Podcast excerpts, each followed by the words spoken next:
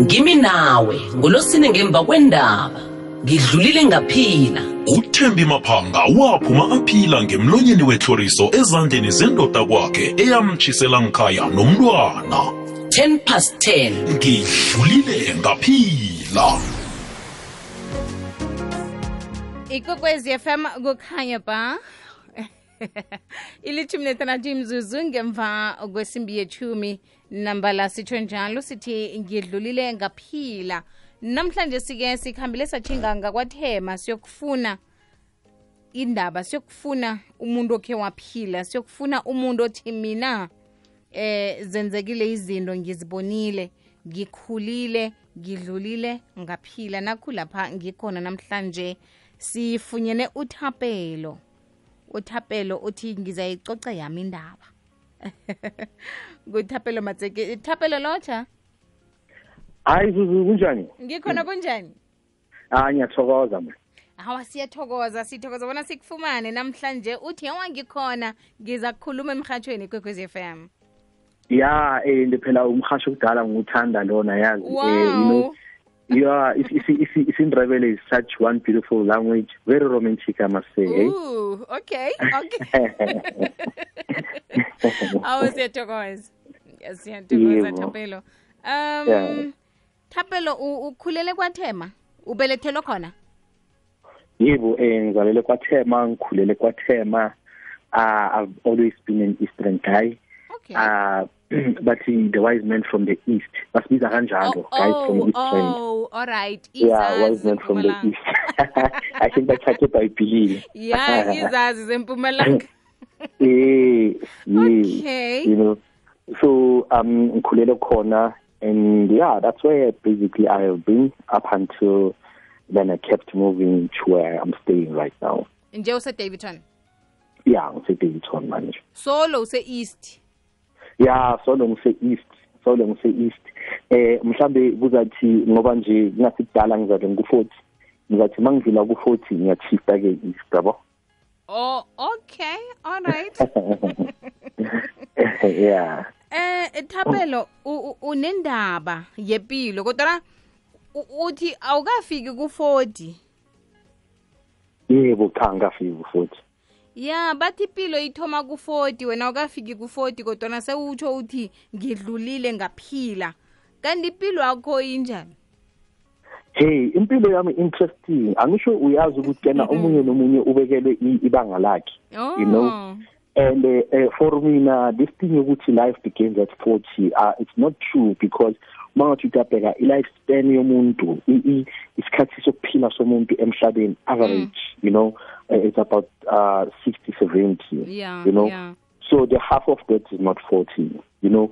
So angeke ukuthi ke impilo iqala ku40 however ke into abantu aba- abekholelwayo leyo and angeke baphikise mabakholelwa kuyo you know? For mina eh, ngikholelwa manje manje before mhlambe siqala la impilo yami you know ukukhula kwami ukuze ngize ngifike kule minyaka engikuyo manje ngikholelwa ukuthi impilo iqala mawumazi uNkulunkulu mawumazi uJesu mawumazi uJehova. I believe mina kula impilo iqala khona ngoba kula amehlo avuleka khona. You first get awakened to the spiritual world you then mawuqeda lapho uvuleka amehlo to impilo yakho u- u- ubekana nesibuko you know uNkulunkulu kunikeza ithuba lokuthi uzibheke ukuthi kena wena ubani and wena unamandla angakanani and kukuphi lokhu ongakhona ukuthi kena wena ukuachieve ngalamandla lawa akakunikeze wona. You know kodwa ke akusila iqale khona impilo yami. Before ngizovuleka amehlo um I mean ngikhulele eqathini zasethema. Ithema i- ilokishi ngivumele ngithi wanyama lokisha ku fast lane you know. And eh, manje ngiyibhekile manje sengathi ithulile mawuyibhekile you know. Okay. mawuyibhekile on a surface mawajwayelanga nje abantu bakhona ngathi ithulile kodwa masoka lophila khona uyabona ukuthi ufast. You know? So masikhula ke kakhulu thina. Sikhula bokunezimpi lapho baso nabo khosas you know? Uh baso being i think the youth league if i'm not mistaken uh ye ye ye, ye apla. ye-APLA and then uh, COSAS obviously student command and, and, and so forth. Mm. so bokunezimpi ngaleso sikhathi leso. And the reason I'm mentioning this is because lezo zimpi lezo obviously suka from uh, originating from demo, the, the dawn of democracy and all of that maqala kulelo nje izinto eziningi ezimayelana nenkululeko. So um kwaba nezibhamu eziningi elokushini bokulula ukuthi kube nesibhamu elokushini like bo bo bo isibhamu akusinto beyisweleka yabona? Ungazi futhi ukuthi mhlambe kuyana ngeexposure because kwesinye isikhathi omunye umuntu angathi hayi mina bengaziboni ibhambo uzibona kanjani mina? Kuya ngokuthi mhlambe usukuhleli nabo bani kuphi nini?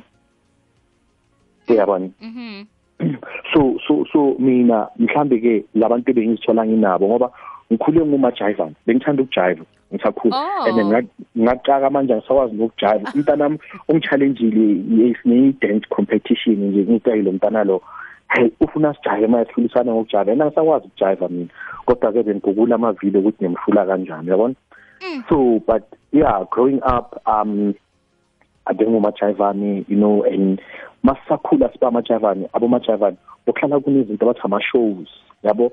Ama-show mhlawumbe uthole ku miss, miss secondary miss mm. kwathema miss such high school yabona? Izinto ezinjenga so kuhlala kunama-show njalo and we always at, th at those shows and uh, trust me those shows the organizers had good intentions. Yabona? Eh, inhloso zabo bezizinhle because they meant ukuthi bathathe young people babakhiphe estradini because every day laba abacontestayo bahamba bayocontesta. Okay. You know? So meaning after school a- abanye mabaya ku-sport laba abanye bayocontesta. Meaning ikususe estradini lento leyo. Thina bokumele masihamba sopractice singabheki. Kodwa for thina ukupractice ukujiva kumele sidakwe yinzanga ukuqala so that sizokhona ukuthi senze lento esiyenzayo. And and and one of the most important thing engifisa ukuthi abazali bayizwe and naba abantu abasha bangabe khona abalalele ngiyacabanga abaningi basesikolweni laba abayidinga kakhulu le message abantwana abantu abasha. Kodwa inhlango izol mm. it's the biggest open door. Biggest open door to a life destructive to impilo ezomosheka to a lot of substances. Abaningi kumanje bangene kunyawo kanje bekangazi ukuthi kunenyawo kulensango bekayibhema Sure. wazithola sekahooked sekakunyawo you know? So so that's what happened with me growing up saba exposed kulawo mashow lawo lama show that were meant to uh to build young people basixoxe you know si participate entweni that th- there can be a career in the things that besizenza lapho you know? Choreography could come out of that. I mean modeling sabona kunabo miss south africa miss world miss universe yabona? So so there's something that we could have got from lapho. Kodwa mawulapho kulezo ndawo lezo zi unmonitored yinkinga yabazali kakhulu elokushini abantwana abafunde elokushini abantwana abakhulele elokushini ukuthi italente akanalo nasendlini sometimes sothi abalazi number one. Number two babalazi abalisupport and abalmonitari mm. you know. So if umzali azi ukuthi umntana wakhe uthanda ukujiva basethe khona abantwana abaningi bayajiva manje. Bahamba zonke le ndawo. Umzali siyazi ukuthi akusiwo wonke umzali onemoto akuso mara if umntana wakhe akhona ukuthi ba-organize transport baye lapho why ungathi nawe bakubekela ispace uhambe? Angisho support umntana wakho. So that umprotect ngoba mawulapho nomntana wakho there is a high chance ukuthi umntana wakho uzo-avoid ukubhema because uzomuzwa uthuna ukugwaya. Mm. Uzo-avoid ukuphuza zonke lezo zinto lezo. Abone ukuthi uyamsupporta. Mayiphuma ngo-11 12 isho uphuma nayo uyahamba nendlini. You know so so because it's unmonitored esikhathini esiningi and uh, uh, young people eh abantu abasha besithanda ukwenza ngathi eh sihlakaniphe ukudlula abantu abadala sihlakaniphe sazi kakhulu ukudlula abantu abadala and ngaloko sazithola sinkingeni you know before you know it bese sengibhema ama drugs you know ama-drugs uhlanganisa notshwala i mean i'm talking the very young age of about 13 years old. Bowenza zonke indwezi una-13 from the age of 13 years old. Ishuthi all hell broke loose. Cabanga mangiqala ngene secondary grade mm. 8 when mm. i enrolled to my secondary school grade 8 I remember the first time I became popular mina esikolweni ukwaziwa bokune Valentine something I can't remember Valentine's what but bokune show okay. Safika lapho bafake ku program sajiva ah from ngalolu langa lelo ngaziwa isikolo sonke you know. Mm. and I, I had friends eh, ebengiphila nabo ngaleso sikhathi leso. And uh, most of us were naughty you know. I can't say loya bekanothi ukudlula mina nalo bekanothi we all sonke besistowed ngendlela ehlukahlukene. And uh, you can imagine abantwana abastowed nabahlangene ukuthi imess engakanani leyo. You know. So we we got into a lot of trouble sisibancane at, the- at that age. And as i said we got exposed to firearms and we started with petty crime ke yabo? Because manje sifuna ukumaintain le lifestyle. Ukuhamba ama show every weekend so ufuna uhlala ugqokile umuhle. Ekhaya kithi mina la ngikhulele khona ngikhulisa ugogo nomama. You know umkhulu bekakhona and ubaba wami bengingamazi you know ubaba ngikhule ngingamazi ngiqala ukwazi ubaba mina at the age of 17 years old. And ukukhulela kulo environment leyo uh, i think abantwana bebabheke ugogo because umama was unemployed. Uh, and ugogo kuye bekasebenza. Yakamkhulu asibali imali because qiniso ubengasebenzi endlini you know. So um ugogo ubheke thina i think we about 5 asibhekile abantwana endlini you know? And ufuna ukusitreata equal ufuna ukusenzela izinto and bekazama ngako konke ukuthi asiplease nginomalume mina umalume wami ushiya ngawanele oh. You know? Okay. yeah itumeleni lasibona khabo mama wami. You know itumeleni bambiza amabhinje lokushi so i mean eh ugogo bekamake sure ukuthi asibhalansa mina naye. So makathenga isicathulo esidurayo kumele azithengi cabanga for two. You know ene unothisa amasomdala ukuthi bekaneglect laba abanye laba mm. just for thina swethu because yithi besiyang yithi beka i think bekathukela impilo zethu abona us under pressure siku fast lane and all of that my older brother uThebo was very understanding very humble you know and i think umuntu bebangathuki ngempilo yakhe because ah soloko bekasindisiwe umuntu ohamba isonto thina besibona impilo yakhe ibhora hamba isonto uthanda isikole ayibona kahle lo yazimisa lona you know? So mm. that, that's what happened. And uh, in that environment ugogo okusalayo khona la ngafinyeleli khona. Sikhera two days market uhola ngasebenzela government ahola nge-15 two days market uhola i mean uh, for the next two days market uhola khani sikhera enjoya imali yomkhero you know ngaleso sikhathi leso. Then after lapho akuhlala mali yomkhero. Mm. kodwa ke i- i- iba normal leyo mpilo leyo uyayijwayela you know. So kuleyo environment leyo thina masikhula then unabangani? Bona bahlala bane access imali bahlala bagcoka kahle bahlala you know banemali yokubhema mali amashow you know. Then nine engathi nyalekha emakini kula eyasamini sophandana samini sofuna ini and that's where the life of crime began. Eh sifuna ukumaintaina yonke lempilo leyana ebesiphila esingafostwanga umuntu ukuthi iphile you know. Ningasebenzi. Yeah singasebenzi sibancane i-guidance asiyifuni and Mhm. that, that is one of the uh, challenge in, in our country or in the world in general Mhm. it's that you know i-shaping of a young person i-shaping of a young person bafuna ukuyikala la bacabanga ukuthi hahle bayangizwa manje. Kanti no it starts far far young far young. The discipline the information le umuntu umzali umuntu omdala a guardian okumele ayinikeze umntana. Icala at least from the age of five. These discipline measures okumele uzifake emntwaneni. Thapelo? things okumele yebo? Ya eh ngibawa si jame eh, lapho kwanje bese sizokuragela phambili ngemva kwenhloko zendaba ngitsho? Okay oh, no problem. Imatshumi amabili nethoba imizuzu ngaphambi kwesimbi yetshumi nanye ikwekwezi yafam kukhanya ba sifumana indaba yepilo.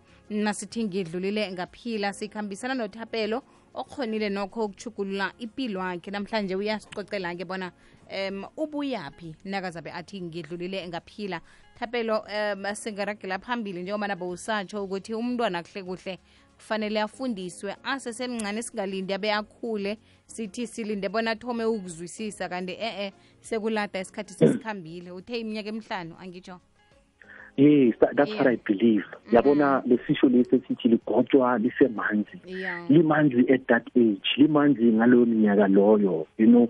Kodwa ke idiscipline eh ihamba ney'nkolelo zabantu you know discipline, and idiscipline futhi ihamba no noqonda ukwazi umthetho kwabantu you know.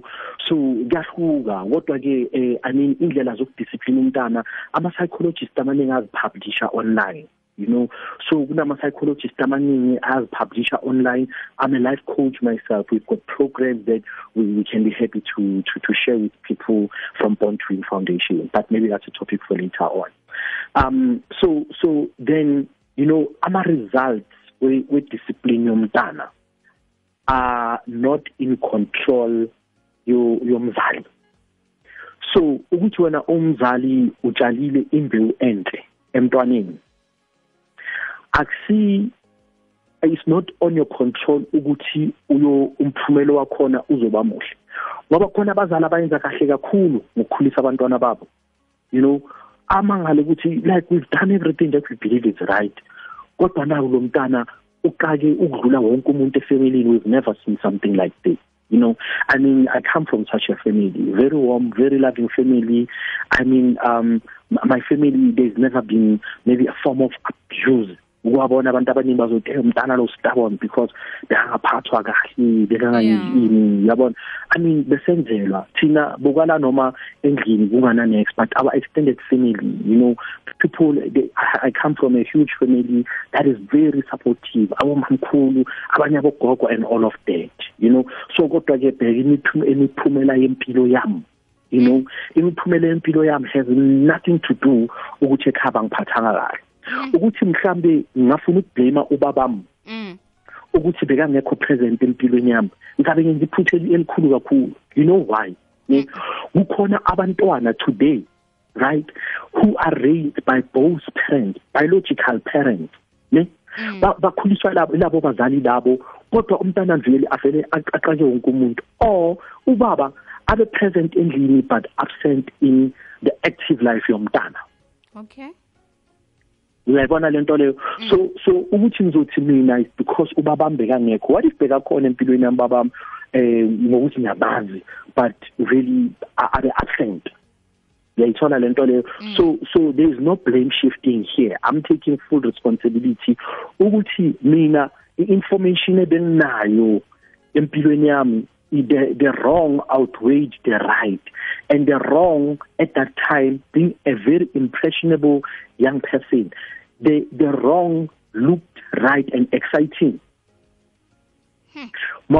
Mawuyehlisa mawuyehlisa iview yempilo at the age of 13 14 iview yomntana makaqala bona izinto ezintsha. Izam exciter. Ukhona ukuyibona nasenganeni encane na 3 4 once wabona into entsha yam excited ufocus kuyo for isikhathi eside until imbore then move to another thing. Oh okay. That's yes that's the case with all of us actually. It doesn't stop from that you know because noma solo kusikhula sabona something new yes exciter we focus on it it different mase sokhulile une understanding yama consequences you know. Mawusakhula unalento leyo ukuthi kena ah marapela labhudilo yami isigebengu.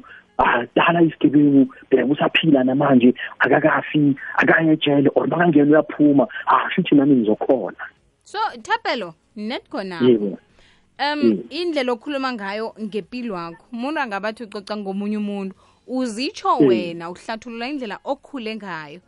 Exactly. Bese uthapelo namhlanje uyi-motivational speaker uthapelo uthi nginezinto engizenzileko. Wenzeni kanti uthapelo? Ngoba uthi kwashifta i-focus yashifta wayaphi? Wazifumana sele ukuphi? Um eventually mangisoloko ngiganga eh i ended up being one of the youngest most wanted in ekuruleni in the east end huh? at yes at that time i was arrested on my birthday on the 18th of may 2003 bowunangaki ngelanga lelo bengithena 19 bengenza 19 nge-18 zakami 2003 jama so thapelo yebo. bowusigebengu esifunwa khulu. Yebo. Una 19 before ngithena 19 so bengike ngaboshwa before. Bengisoloko ngiboshwa ngiphuma eh i mean nginama escape at the age of 15 i had an escape. I escaped but it was from police custody. I was there for about 2 weeks you know uh, sa- sazama ukusika sabaleka kusebusuku. I was i was 15 years old jama You ungagijima okay. Wabaleka et- ubotshiwe? Yebo. Una 15 yebo. Ubaleka njani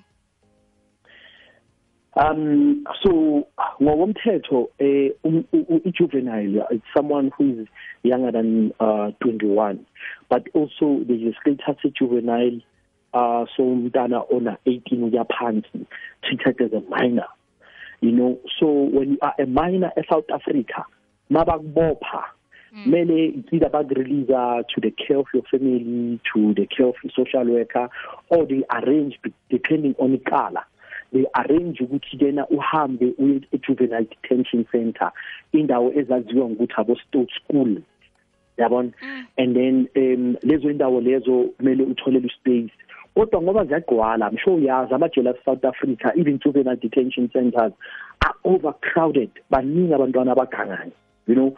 So nga- ngangihlalisiwe emaselini and bokungathi ngokomthetho but bebangana choice at the same time. Oh, bongamelanga ngihlaliswe emaselini ithina bomele bangi-isolate bangihlalise nabantu abadala. Mm. yabona? So ngoba obvious bangihlalisa nabantu abadala sihleli lapho they were planning escape you know and nami ngathi you are ang- angisali you know? So we took about a week maybe to plan and see see laphayana. Eventually one sunday uh, evening um saphuma la besisahe khona. Siphume from phezulu phezulu phezulu and then we escaped and um bafuna you know. Um however i stayed few months after lapho uh, and then i was rearrested. I was rearrested during a program khona iprogram amaphoyisa angazi uyayazi bayibiza nge-adopt a cop the the program is meant to build a good relationship between amaphoyisa nabantwana in particular or in, in even a community you know. So i-adopt a cop was about that. So lelo langa lelo bazongi-rearresta bakuyi-adopt a cop ethema you know. Bangi-rearresta ngalelo langa lelo there were a lot of police in the township and the bangtola and uh, I was sentenced. My first time being sentenced was 1999 when I was 15 years old. They sentenced me to three years. Mm. Three years.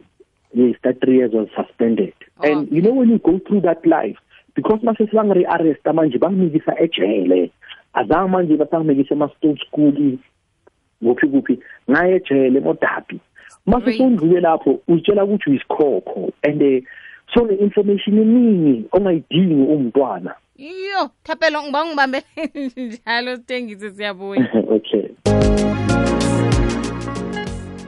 Ilithumi nobunane imzuzu ngaphambi kwesimbi yethumi nanye. Ikwekwezi fm kukhanya ba ngimnawe 9 to 12 sithi ngidlulile ngaphila sesakhambisana nothapelo omuntu osesemutsha kodwana uthi ngidlulile ngaphila.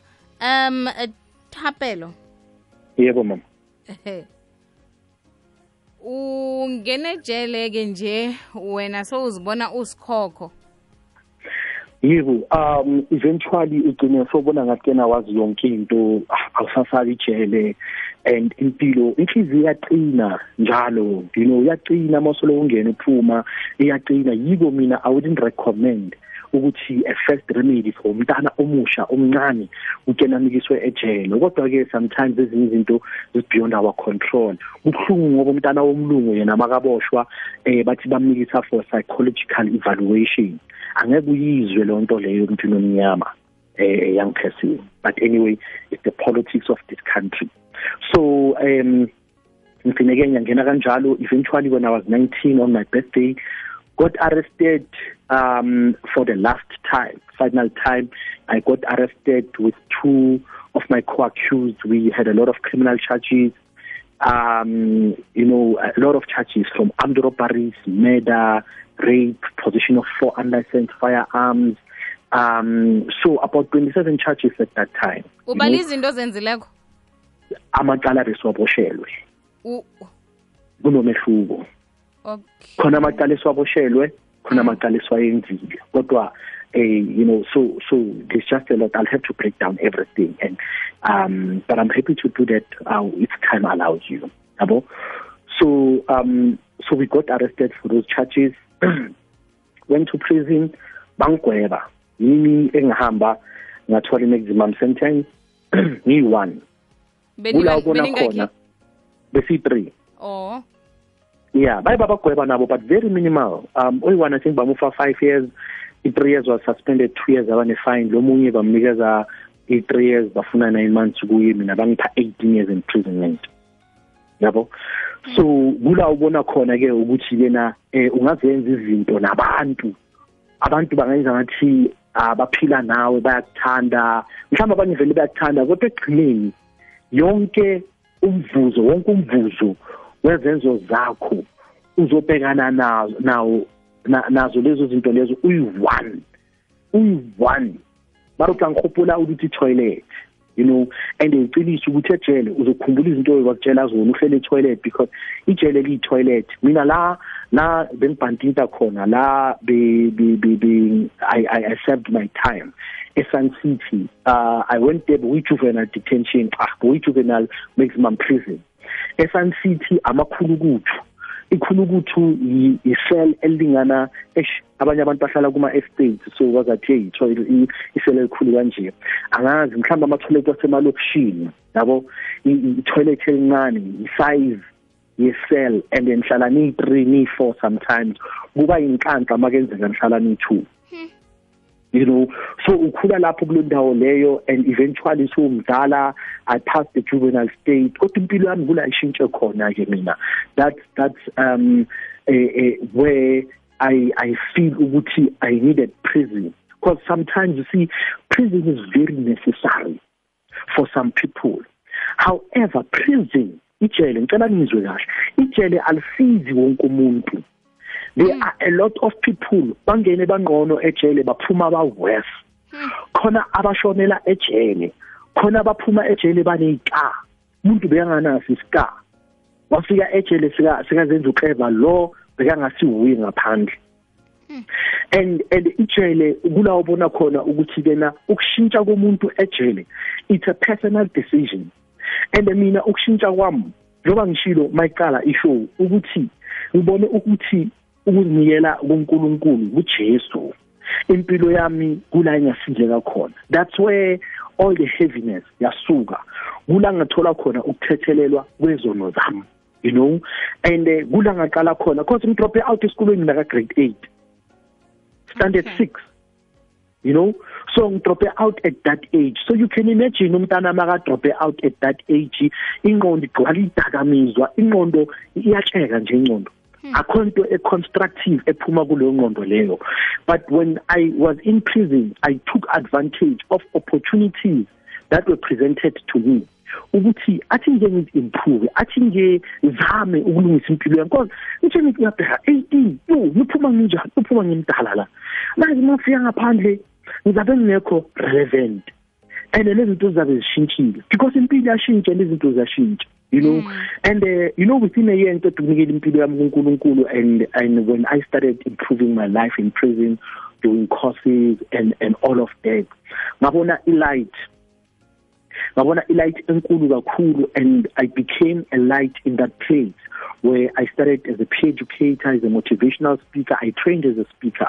I trained as a counselor. I trained in so many areas, things that I even specialized in even outside here. There was a coaching training that I went through while in prison because kuba nama service providers. And eh, ngicela ukuyicacisa futhi leyo ndaba leyo. Ukuthi ejele abantu babona ngathi kumnandi ngcono umntana ayi ejele azofunda. Akusiqiniso leyo nto leyo. Ijele it's an organized structure kulula ukuthi uthole abantu baphelele ejele mawuletha iprogram. Bazoyenza ngoba abanye babhorekile. Oh. abanye bazoyenza ngoba iya ngoba bayafuna. Nala ngaphandle akhona lama course batakekile ama organization nama company afuna abantu abazobafundisa afuna abantu abazoba okubuhlungu ukuthi lo information ayifiki kulabo abayidingayo. Laba abangayidingi bayatswafa they they're not keen they don't want to sacrifice. They want immediate uh, results yabona? Um so so so ngizama ukucacisa indaba yokuthi kena akuna five star ijele akunajele eliyi five star. Akunakuthi impilo yakho izoba ngcono uma ungahamba uyejele ungayejele ungaphindi ubuye. Ungayejele ubuye impilo yakho ilimele kakhulu. Ungasafisi nokuthi ungaphila uhluleke nokuzibulala kubuhlungu ukuthi uphile impilo enjengaleyo so ngi- ngibe nje mina nomusa empilweni yami ukuthi kena ngikhona ukuthi ngishintshe impilo yami around. And it was in prison where I discovered myself. It was in prison where I knew ukuthi I can do better. I can add value to the community the saddest part the saddest part sengizoqeda ukuthi kubuhlungu thina masithola usizo sisejele. Kubuhlungu thina masithola i-rehabilitation. Victims of crime outside here never get restored. Yabona?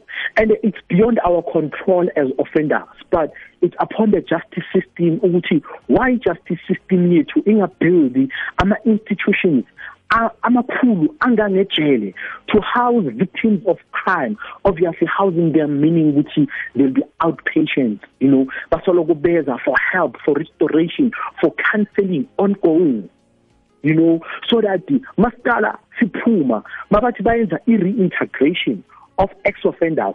Bathole umphakathi opholayo or opholile ozokhona ukwamukela abantu baqaqe ba- baqonde ukuthi akusiwo wonke umuntu abanye abayenzi izinto ngenhloso. Abanye bazenza sa you know abanye yes inhloso and all of that. We can never really get to justify crime and criminal activities. So so lokho kusenhlizweni yethu ke thina as born to foundation to help victims of crime through our partners and many other means that we have we can uh, be restored you know. And and so i've been released it's i think unyaka wami okus11 lo ngiphumile ejele and I've never violated parole. Azange ngabuyela ku crime so it is possible ukuthi ungalini ungaphindi ubuyele empilweni ye crime mawuzitholile ukuthi kena wena ubani mawuzitholile ukuthi kena yini ukhono lwakho mawuzitholile ukuthi kena eh akunanto zokunyakazisa. Yabona i patient when they say it's virtue you know it's mm. it's true. Patience is one of the biggest biggest attributes a person can have. Ngoba yabona mawukhona uba patient empilweni. Angeke unyakazise ukuthi umakhelwane sekahamba nani uhlala udlani ugokani you know mawune patient you will know ukuthi into yakho kumele uyisebenzele and ulinde kuze kuphume umvuzo. You know because it's your journey and he was alone yiko abanye babuyela ejele ngoba they are very impatient and bafuna ukuprove a point sometimes. Abanye balanda bafuna ukuvuselela istory sakudala esesifile. Umuntu afuna ukubuya ngaphandle afuna ukuphakamisa iflag elingcolile elivithikile futhi. Uyayibona lento leyo? So manje um what we do now i'm a professional speaker. I'm a life coach. I i am a trainer. Uh we do business training uh in in my company even in the organization. Um i've got a few companies that i'm running right now. So and and and the NPO Born to Win have an office so way to you know um the, the services that we render really it is in our heart. Senhlizweni yethu ukuthi singafinyelela ebantwini. However masingafandiwanga if singaphiwanga imali yokusiza umphakathi by funding institutions za government kuba nzima. You know so yiko sijabulela ama sponsors ama donation for iNPO kodwa for ama private company laba abafisa ukusicasha ukuthi sicela uze uzotrainer sicela uze uzokhuluma sicela uze usidevelopele program enje even in workplaces because as i say there's business programs business communication you know uh programs like resilience emotional intelligence. We run a lot of programs you know and and this is for the betterment of of of of uh, our people. You know, I'm passionate about human development and hence even our program for the boy child. Sine program yomntana womfana. Which is very good but to take a girl child to work because bazama uku-advance women because previously women have been disadvantaged we're saying that's true but don't neglect the boy that didn't know was not there when a woman was neglected mm-hmm. let's also groom them together. So we have a boy child program nge-impact uh, impact and ah, sorry um tran- transform through um well sorry okay mhlambe okay. I'm talking a lot. Yeah but it's a boy child program. Yeah uphilile yazi. Um kuyarara ukuthi awukafiki ku-40 kodwana ya uphilile uphilile khulu manje sike sikufumana njani enkundleni zokuthintana inomboro zomtato um the people can get hold of me at chere at born2winfoundation.co.za. It's an email address, chere at born2winfoundation.co.za. There's a page, Born to Win Foundation. There's a page called Chere Initiatives on Facebook.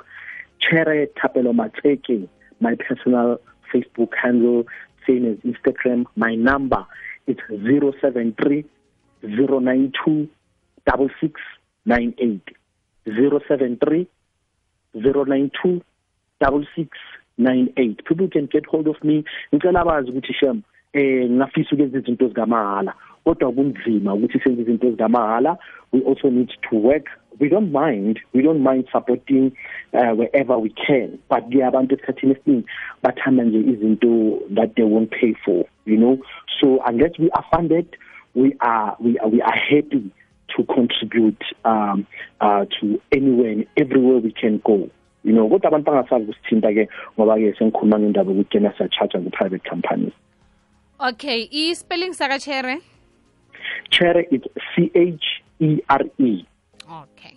Thapelo wakwamatseke yebo thapelo sithokoze khulu ukuzwa indaba yakho namhlanje sithokoze isikhathi sakho ukuthi wabelane thokoza mina thokoza mina mama. Ah, okay. Uh, thank you